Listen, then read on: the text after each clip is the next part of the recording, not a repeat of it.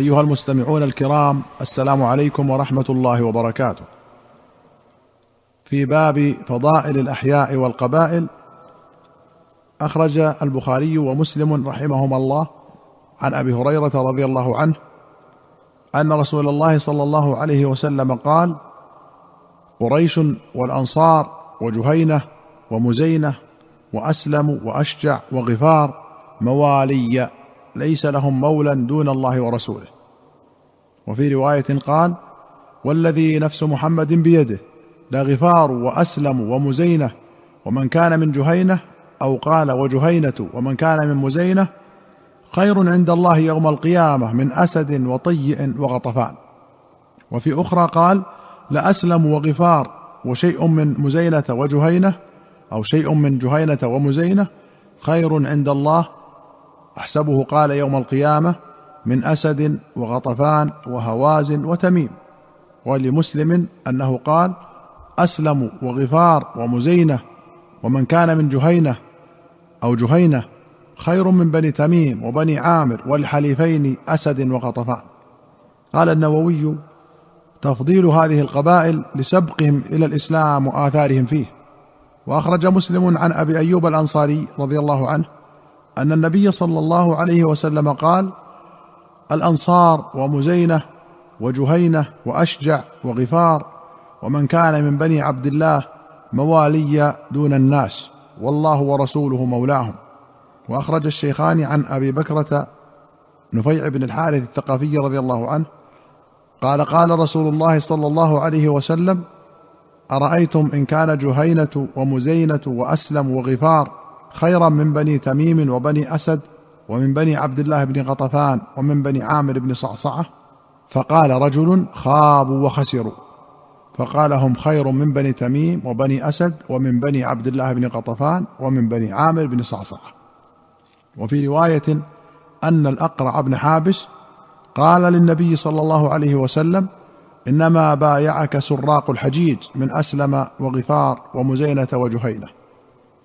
قال النبي صلى الله عليه وسلم أرأيت إن كان أسلم وغفار ومزينة وجهينة خيرا من بني تميم وبني عامر وبني أسد وغطفان أخابوا وخسروا؟ قال نعم. قال فوالذي نفسي بيده إنهم لخير منهم وفي رواية قال شعبة حدثني سيد بني تميم محمد بن عبد الله بن أبي يعقوب الضبي وذكر الحديث. وأخرج مسلم عن عبد الله بن أبي أوفى الأسلمي رضي الله عنهما وكان من أصحاب الشجرة قال كان أصحاب الشجرة الفا وثلاثمائة وكانت أسلم ثمن المهاجرين. وأخرج الشيخان عن أبي هريرة أن النبي صلى الله عليه وسلم قال أسلم سالمها الله وغفار غفر الله لها. زاد مسلم أما إني لم أقلها ولكن قالها الله عز وجل. ولمسلم عن جابر مثل الرواية الأولى. وأخرج الشيخان عن ابن عمر أن رسول الله صلى الله عليه وسلم قال وهو على المنبر غفار غفر الله لها وأسلم سالمها الله وعصية عصت الله ورسوله وأخرج مسلم عن أبي ذر الغفاري قال قال النبي صلى الله عليه وسلم غفار غفر الله لها وأسلم سالمها الله وفي رواية قال لي رسول الله صلى الله عليه وسلم ائت قومك فقل إن النبي صلى الله عليه وسلم قال أسلم سالمها الله وغفار غفر الله لها. وأخرج البخاري عن ابن عباس قال أول جمعة جمعت بعد جمعة في مسجد النبي صلى الله عليه وسلم في مسجد عبد القيس بجواثه من البحرين. جواثه قرية بالأحساء. وأخرج الشيخان عن أبي هريرة أن النبي صلى الله عليه وسلم قال أتاكم أهل اليمن أرق أفئدة وألين وفي رواية أضعف قلوبا. الإيمان يمان والفقه يمان والحكمة يمانية ورأس الكفر قبل المشرق والفخر والخيلاء في أهل الخيل والإبل الفدادين أهل الوبر والسكينة والوقار في أهل الغنم. وللبخاري قال الإيمان يمان والفتنة ها هنا حيث يطلع قرن الشيطان. الخيلاء التكبر واحتقار الناس. والفدادين من الفديد وهو الصوت الشديد.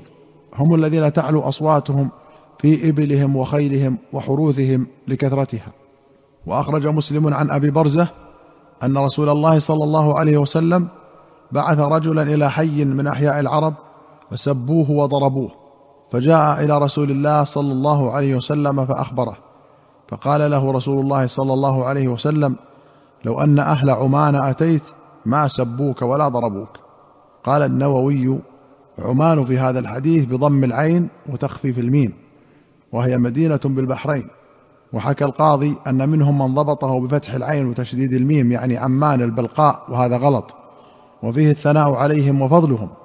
وبوب عليه مسلم بقوله باب فضل أهل عمان.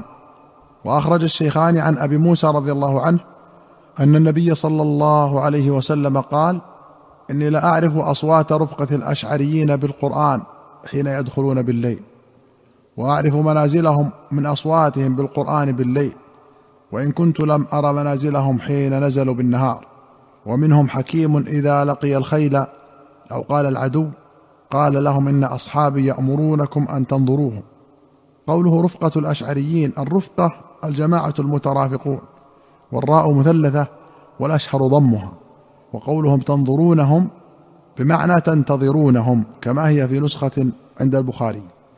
وقوله منهم حكيم قيل علم وقيل صفة وفيه فضل الأشعريين وفضل الجهر بالقرآن في الليل إذا لم يكن فيه إيذاء ولا رياء. وأخرج الشيخان عن أبي هريرة قال لا أزال أحب بني تميم. بعد ثلاث سمعتها من النبي صلى الله عليه وسلم يقولها فيهم. سمعت رسول الله صلى الله عليه وسلم يقول هم أشد أمتي على الدجال. قال وجاءت صدقاتهم. فقال النبي صلى الله عليه وسلم هذه صدقات قومنا. وكانت سبية منهم عند عائشة. فقال رسول الله صلى الله عليه وسلم أعتقيها فإنها من ولد إسماعيل ولمسلم نحوه غير أنه قال هم أشد الناس قتالا في الملاحم ولم يذكر الدجال. وأخرج أحمد والبخاري في الأدب المفرد وأبو داود والترمذي والنسائي بسند حسن. عن أبي هريرة رضي الله عنه أن اعرابيا أهدى إلى رسول الله صلى الله عليه وسلم بكرة فعوضه منها ست بكرات. فتسخط فبلغ ذلك رسول الله صلى الله عليه وسلم فحمد الله وأثنى عليه. ثم قال إن فلانا أهدى إلي بكرة فعوضته منها ست بكرات فظل ساخطا. لقد هممت ألا أقبل هدية إلا من قرشي أو أنصاري أو ثقفي أو دوسي.